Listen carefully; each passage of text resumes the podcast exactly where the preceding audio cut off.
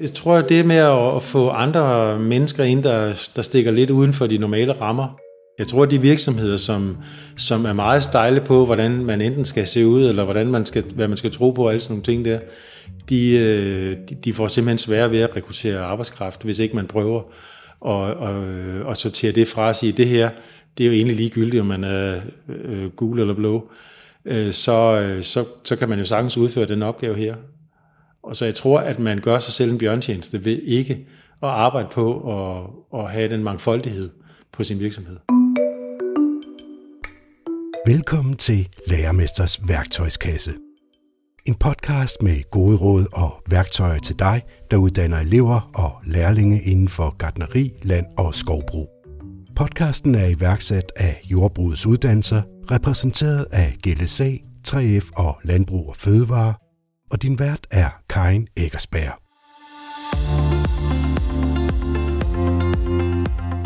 Vi har alle sammen på et eller andet tidspunkt oplevet at stå uden for fællesskabet, og det er de færreste, der har det godt med det. Men på et rumligt arbejdsmarked, så åbner vi for, at flere kan være med i fællesskabet. I indledningen hørte du Jakob Jørgensen fra Lammehave. Han peger på, at du kan få et større rekrutteringsgrundlag, når du rækker ud til lærlinge, der som han siger, stikker uden for de normale rammer. Men hvad kræver det i hverdagen, når der skal være plads til forskellighed i teamet? Det taler vi om i denne her episode af Lærermesters værktøjskasse. Temaet i dag er den rummelige arbejdsplads. Og i dag der har jeg fået besøg af dig, Arndt Lov fra CEFO. Velkommen til. Tak. CEFO det er Center for Ungdomsforskning, og øh, jeg tænker, at du lige vil starte med at sige lidt om dig selv. Jeg hedder som sagt Arndt Lov, og jeg er lektor på Center for Ungdomsforskning på Aalborg Universitet. Øh, og jeg har gennem en overrække forsket i unge- og erhvervsuddannelserne. Øh, det startede helt tilbage med min phd afhandling for en 10-12 år siden, hvor jeg var indskrevet som elev på tømmergrundforløbet og gik der sammen med eleverne for at se, hvordan det var at være elev indefra. Og Arndt, før vi så lige går videre, kunne vi så ikke lige sige, hvad er en rummelig arbejdsplads? Jamen, en rummelig arbejdsplads er jo en arbejdsplads, hvor der er plads til forskellighed, og hvor der er plads til, at man kan få lov til at være den, man er. Og hvor vigtigt er det for nutidens arbejdsplads? Jamen, jeg tror, det er vigtigt øh, for alle tiders arbejdspladser at være, øh, at være rummelige, øh, fordi der kommer jo nye medarbejdergrupper ud på arbejdsmarkedet også, som skal finde sig til rette på et arbejdsmarked. Der tror jeg, det er vigtigt med, med en rummelighed og en forståelse for, at vi alle sammen er forskellige. Og Jakob han peger jo lidt på det her med rekrutteringsgrundlaget, men der er også et trivselsaspekt.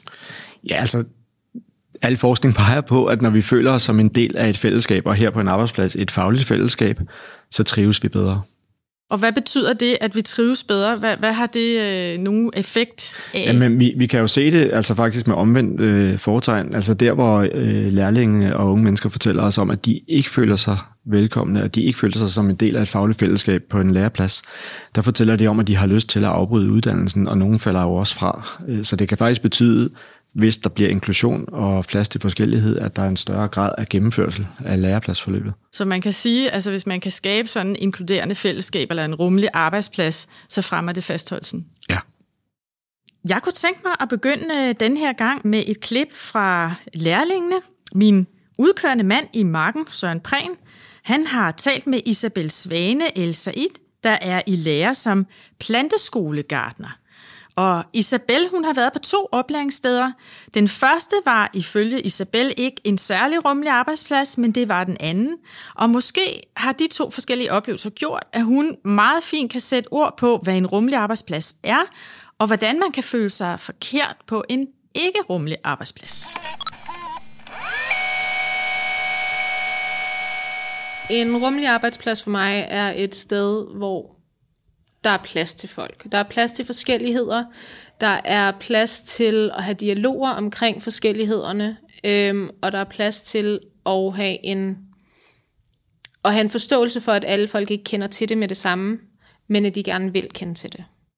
Der var fast kagedag hver torsdag, og man skulle helst gerne have bak selv og tage med. Øh, jeg kan ikke spise mælkeprodukter, og jeg kan ikke spise kakao, så det er ikke fordi, jeg deltog super meget i kage i dag, men der var mange, der prøvede at lave kage, jeg kunne spise. Øh, og da jeg selv havde med, så havde jeg en arabisk kage med, og det var der meget stor entusiasme omkring. De ville rigtig gerne have mere af det. Øhm, og jeg lavede en middag til dem alle sammen den sidste uge, jeg var der. Øh, sådan en farvel, tak for denne gang middag, hvor jeg lavede arabisk mad, og det blev også taget imod rigtig meget. Så sådan det her med, at jeg kunne dele min kultur, eller hvis jeg havde noget med på min madpakke, som var arabisk, de var sådan nysgerrige, de ville gerne vide om det. Men der blev også stillet spørgsmål ind. Så sådan, når der er Eid, okay, ramadanen, have sådan en samtale omkring det, der er måske ikke en forståelse for det, fordi de ikke kender til de her ting, men jeg har en muslimsk far, så bliver der taget, spurgt ind til det, eller altså sådan, der, der bliver gjort et forsøg på at forstå bedre, med nysgerrighed frem for en fordømmelse, så det er ikke sådan, så der bliver stillet spørgsmål ind til, at man kunne kigge ned på det. På min første elevplads, der faldt Eid på Kristi Himmelfartsdag, det var under corona, og jeg nævnte, at det var Eid på Kristi Himmelfartsdag, og svaret var, så kommer der nok til at være udbrud i ghettoen hvilket ikke er særlig positivt. Og jeg var sådan, ja, okay. Øhm, hvor der, hvis jeg talte om sådan nogle ting med, på min anden elevplads, så blev det mere sådan, okay, jamen hvad betyder det? Hvordan fejrer I det? Hvordan, altså sådan, så der var en, en åben, ærlig nysgerrighed omkring det. Ja, Arndt. Isabel peger selv på nogle områder, hvor hun føler sig anderledes. Dels er der nogle ingredienser, hun ikke kan tåle, hvilket gør det svært at være med i kageordningen, og dels er hendes kulturelle baggrund anderledes end de andres, og det kommer også til udtryk, når de spiser kage og i andre spisesituationer. Men Arndt, hvad, hvad, er det, hvad vil det egentlig sige at, sådan at føle sig anderledes? Altså, man kan jo være anderledes på rigtig mange måder. Altså, og nogle måder kan være synlige, og nogle måder kan være usynlige. Altså, det er jo faktisk svært at se på Isabel, at hun ikke kan tåle, øh, ja, hvad det nu var, ja. hun ikke kunne tåle. Altså, øh, og det kan jo dreje sig om mange ting, køn og klasse og seksualitet og handicap og etnicitet, som i et eksempel her med, med Isabel, ikke? Altså, og så altså, kan anderledesen jo, anderledesen jo også simpelthen handle om, at man er ny og ung på en arbejdsplads og på et arbejdsmarked, øh, og skal prøve at finde sig til rette i nogle normer og nogle kulturer, som man ikke har prøvet før, og møde en ældre generation på et arbejdsmarked, som måske gør tingene på en lidt anden måde. Så altså anderledesheden øh, behøver ikke at være etnicitet. Det kan jo også være på en eller anden måde, at vi jo alle sammen forskellige, og, og anderledesheden skal der være plads til, og vi skal være nysgerrige på hinanden. Jeg synes også, det er noget af det, som Isabel hun siger flere gange her i interviewet. Ikke? En nysgerrighed og en åbenhed. Ja, og det er egentlig også, Arndt, øh, det her med, at forskellighed er så mange ting, det der gør det måske lidt svært at, øh, at snakke om det, fordi det bliver sådan meget bredt. Men hvis vi tager fat i den der helt konkrete situation, hun har en kollega, som taler om noget med udbrud i ghettoen, altså det er jo altså en, en af de, hvad skal man sige, måder, hvordan det kommer til udtryk på. Hvad, hvad er det egentlig, der sker der? Altså, man kan jo sige, der sker sådan set faktisk lidt et sammenbrud i forståelserne. Altså, at, øh, og det er jo det, der kan ske, når vi ikke kender til hinandens øh, baggrund, at vi måske kommer til at jogge lidt i spinaten af uvidenhed. Måske ikke nødvendigvis af en ond vilje, men måske af uvidenhed. Øh, og det peger jo egentlig bare på, at det er vigtigt, at vi, at vi prøver at lære den anden at kende, altså på deres præmisser. De fleste mennesker går rundt og har øh, prøver at skabe mening i deres tilværelse, og fra deres perspektiv giver tingene mening, og der tror jeg, det er vigtigt, at vi prøver at være nysgerrige på den anden, så at sige, øh, og prøve at se på, hvad er det, der giver mening fra den andens perspektiv. Ja, så i stedet for det der med, at han kommer bare med en kommentar, så hvad, hvad synes du, man skal gøre der? Jamen altså, man kan jo øh, simpelthen starte med at spørge Isabel, ind til det. Altså på en eller anden måde er hun jo ekspert på AID, så kan man jo spørge hende øh, og være nysgerrig og åben. Det gør jo ikke noget at være uvidende. Altså uvidenhed kan jo være en glimrende start til en dialog. Og det er hun sådan set også selv lidt inde på, ikke? det der med, at det kan hun faktisk rigtig godt lide. Altså hun, det gør, altså hun er ikke berøringsangst eller sådan. Hun vil faktisk gerne have, at der er nogen, der spørger ind. Ikke? Så tænker jeg, at det er også interessant bare lige at snakke om, at øh, når man ansætter nogen, så er det jo ofte, at man kigger på, om det er en person, der passer ind i teamet. Men er der så ikke en risiko for, at man altså får skabt sådan en, en lidt for homogen kultur, så det er nemmere at stikke udenfor, eller hvad? Altså, det, det synes jeg faktisk er et rigtig godt spørgsmål, fordi på den ene side, så skal virksomheden jo passe på sin kultur og sine værdier og har jo en forretning at passe på. På den anden side, så kommer der måske også nogle lærlinge ind, som har nogle nye perspektiver og nogle nye måder at gøre tingene på. Øh, og det skal der jo også være plads til, og det kan jo faktisk også være noget af det, der kan være med til at innovere en virksomhed. Så hvis man er alt for lukket og siger, at alting skal passe ind, så er det jo egentlig ikke inklusion, men så er det assimilation. Og assimilation? Assimilation er vel mere det, hvor vi skal tilpasse os noget eksisterende, frem for inklusion, hvor der er plads til, at man også kan komme med sin forskellighed og præge det fællesskab, man bliver inkluderet i.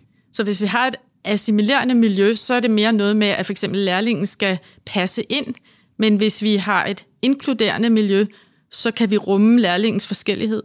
Ja, altså jeg vil sige det sådan, det bliver måske lidt uh, sort-hvidt, ikke? men altså assimilation, det er jo noget med, at vi så skal alle sammen til at ligne hinanden, og det er vel heller ikke det, man er interesseret i som en arbejdsplads. Nu har vi talt om rummelighed med udgangspunkt i lærlingens perspektiv.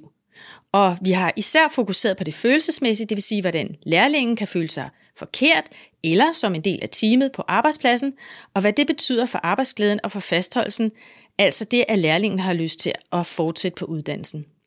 Nu skifter vi fokus. Vi skal se på rummelighed ud fra et læringsperspektiv. Vi skal tilbage til Jakob, som du hørte i indledningen. Jakob ejer Lammehave, som er et økologisk landbrug på Falster med 32 hektar jord. Her er der ansat cirka 8 medarbejdere med særlige behov, og det kan fx være, at en medarbejder har en diagnose. I det klip, som vi skal høre nu, der taler Jakob om rummelighed i forhold til den enkeltes kompetencer. Jakob fortæller også, hvordan han finder frem til den enkeltes kompetencer, og hvordan han tilpasser læring og arbejdsopgaver efter det. Jamen herovre i øh, vores øh, stald her, der har vi, det er jo der forholdene normalt går til vinter. Øh, lige nu der har vi løgliggende til tør. Det er ved at være efterår nu, og, og derfor så øh, begynder løgene bare at rådne ud i marken. Så, så dem har vi liggende herinde på gulvet. Rummelighed, det er at lade være med at kræve, at nogen kan opgave, de ikke kan.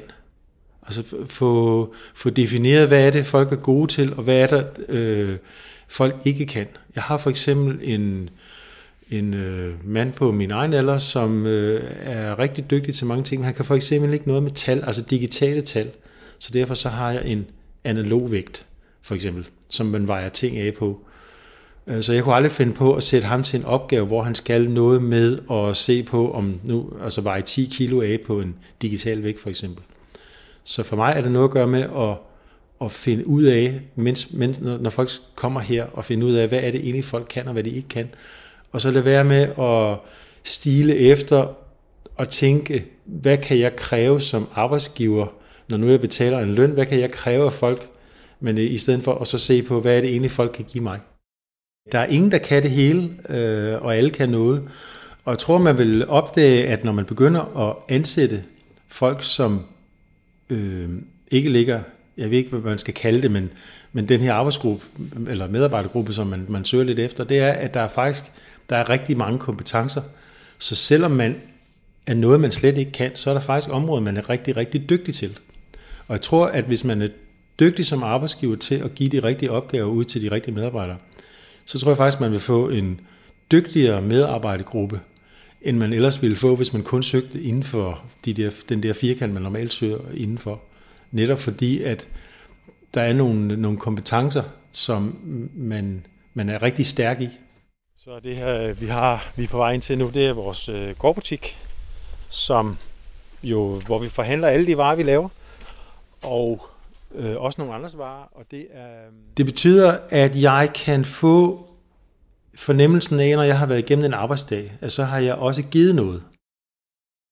Det gør jeg jo i, på den måde, at jeg, jeg går meget ind for hvad hedder det, mesterlærermetoden, altså det vil sige, at vi arbejder sammen om opgaven, og så kan jeg hurtigt spotte, om, om det her det er noget, at man bare ikke er så god til endnu, eller er det noget, man ikke kan. For eksempel det at stå og reparere maskiner. Øh, der havde jeg en, der startede her for 11-12 år siden, øh, og han sagde, at jeg kunne, jeg kunne godt tænke mig at arbejde med maskiner. Og, øh, og det, så laver vi en maskine sammen, og reparerer den og skifter øh, tænder på en hav, eller noget, der skal svejses eller sådan noget. Og så, øh, så er jeg jo mere med for at støtte og betragte. Selvfølgelig laver jeg også noget med, men det, det er jo, jeg, op i hovedet har jeg tænkt en plan, at øh, vi skal nogle forskellige, der, der skal nogen, der skal, man skal arbejde med at skrue med øh, en skruenøgle, man skal have fat i svejsværk og sådan noget, og så bruger jeg måske det ene øje til at lave det, jeg laver med, men jeg bruger det andet øje til at stå og kigge på, jamen, hvordan, hvordan bliver det håndteret det her, inden at, at, at det går galt for den medarbejder, at noget man ikke kan, så øh, synes jeg selv, jeg er god til at gribe ind og komme med hjælp, og sige, jamen vi kan også lige gøre sådan her, eller sådan nogle ting, for ikke at det skal blive, at det ikke bliver nederlag. Ja, ingen kan alt, og alle kan noget, siger Jakob, og det lyder sådan helt ligesom gummitarsen. Øh, men det er i hvert fald meget tydeligt, at han er optaget af at finde medarbejdernes styrker, og så tildele opgaverne efter det. Arndt, hvordan kan det være med til at skabe en rummelig arbejdsplads? Altså, i virkeligheden kan man sige, at det, som Jakob øh, er udtryk for her, det er jo både et, et ungesyn og et læringssyn. Øh, Øhm, man kan sige, når man kigger efter mangler, så ser man måske mangler, og når man kigger efter styrker, så ser man måske styrker. Og noget af det, som jeg synes, Jacob han fortæller om her, som han åbenbart gør rigtig godt, det er, at han prøver at kigge efter styrker frem for mangler, og se, hvad der er, medarbejderne kan. Han siger det der med at give de rigtige opgaver til de rigtige medarbejdere. Øh, og man kan jo sige, altså det er næsten sådan helt læringsteoretisk, man siger, han prøver at lægge det i zonen for den nærmeste udvikling. Og det kan lyde lidt tørt, men det betyder egentlig bare, at han øh, prøver at give øh, de opgaver til lærlingene, som de kan løse med støtte fra ham. Arndt, forklar lige nærmeste udviklingszone. Jamen, nærmeste udviklingszone er jo sådan et læringsteoretisk begreb, men det betyder egentlig bare, at man har blik for, hvad lærlingene kan, og så prøver at give opgaver, som ligger sådan lige ud over, hvad de kan. Altså nogle opgaver, som de kan klare med støtte fra en oplæringsansvarlig, så de får nogle succesoplevelser. Jeg synes også, det som Jakob er et udtryk for, øh, det er jo en, en mester, som har blik på både på produktionen og det faglige, men også på, at lærlingen jo faktisk er under uddannelse og skal lære noget. Og han siger også det der med, at for ham betyder det noget, når han går hjem, at han har givet noget. Ja, så han har sådan også et grundsyn. Altså, at, er, det, øh, er det vigtigt for at kunne skabe en, en rummelig arbejdsplads? Er det sådan en værdi, man har, eller... Jeg tror, det er vigtigt. Altså, jeg tror faktisk, det er vigtigt, at hvis man tager hånd om lærlinge, som jo er under uddannelse, så skal man være interesseret i deres udvikling. Ja. Det tror jeg faktisk er ret vigtigt. Ja, og så måske i særlig grad, hvis, øh, hvis man skal tage hånd om en større spektrum inden for et normalitetsbegreb, eller der er jo måske nogen, som har brug for lidt mere støtte og lidt mere øh, forståelse, altså. Men det der normalitetsbegreb er jo også svært, ikke? Altså, fordi hvem søren er egentlig normale, når det kommer til stykket? Ja. Vi, vi ligger jo alle sammen på, på sådan et spektrum af, af, af normalitet, altså. Og jeg tror i virkeligheden, det kan gavne alle, hvis det er, at man møder sådan nogle arbejdspladser, hvor der egentlig også er interesse for dem, både som faglig udvikling, men også den personlige udvikling, og at de er under uddannelse. Ja, vi er alle sammen forskellige. Lad os slutte på, på denne her note, Arndt. Men, øh, men før vi slutter helt, så vil jeg lige nævne, at øh, vi også har lavet en øh, episode om at uddanne lærlinge med diagnoser, og her hører vi blandt andet om støttemuligheder, som lærling og virksomhed kan trække på, når der er særlige behov, og det kan gælde uanset om det er et fysisk eller et psykisk handicap, vi taler om. Og det kan være, at det er relevant for dig, hvis du ønsker at skabe en rummelig arbejdsplads. Vi linker til nogle steder, hvor du kan læse mere om det, så du kan gå ind på futurefood.nu, og så kan du finde dagens episode og klikke på tips og tricks, og så vil der ligge nogle links til dig. Jeg vil sige tusind tak til dig, Arndt, for at komme ind og snakke her om den rummelige arbejdsplads. Jeg skal også sige tak til Jakob Jørgensen fra Lammehave og til lærling Isabel Svane, El Said. Og her er jeg så med de tre ting, som jeg tager med mig fra i dag. Det første det er det her med at forsøge på at forstå den anden. Ingen mennesker er ens, og når vi er sammen i et fællesskab, f.eks. et team på arbejdspladsen, er det naturligt, at vi fra tid til anden oplever forskellighed med hensyn til f.eks. madvaner, religion, tøj, køn osv. Du skaber bedst en rummelig arbejdsplads, når du inviterer til dialog og spørger interesseret ind til forskelligheden. Så forsøger du at forstå den anden, hvorimod en kommentar kan skabe afstand og i værste fald få den anden til at føle sig forkert. Det næste er, at rummelighed fremmer fastholdelsen. Forskning viser, at inkluderende fællesskaber, altså rummelighed, fremmer fastholdelsen. Det gør det, fordi lærlingene generelt føler sig mere velkomne og trives bedre på en rummelig arbejdsplads. Du er altså langt bedre i stand til at hjælpe dine lærlinge igennem uddannelsen, når arbejdspladsen er rummelig.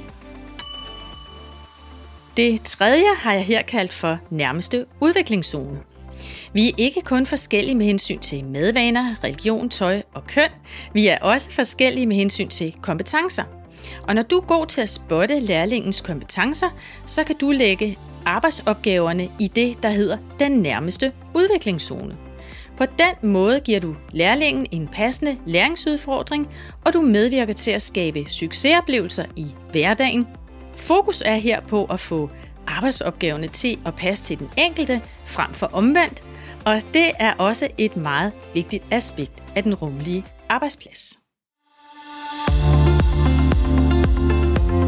Du har lyttet til Lærermesters værktøjskasse, en podcast med gode råd og værktøjer til dig, der uddanner elever og lærlinge inden for gardneri, land og skovbrug. Podcasten er iværksat af Jordbrugets Uddannelser, repræsenteret af GLSA, 3F og Landbrug og Fødevare, og den er produceret af Søren Prehn fra Periskop og Karin Eggersberg fra Into Learning. Find Lærermesters værktøjskasse og alle de gode råd, tips og tricks samt ressourcer fra de enkelte episoder på futurefood.nu, altså futurefood.nu.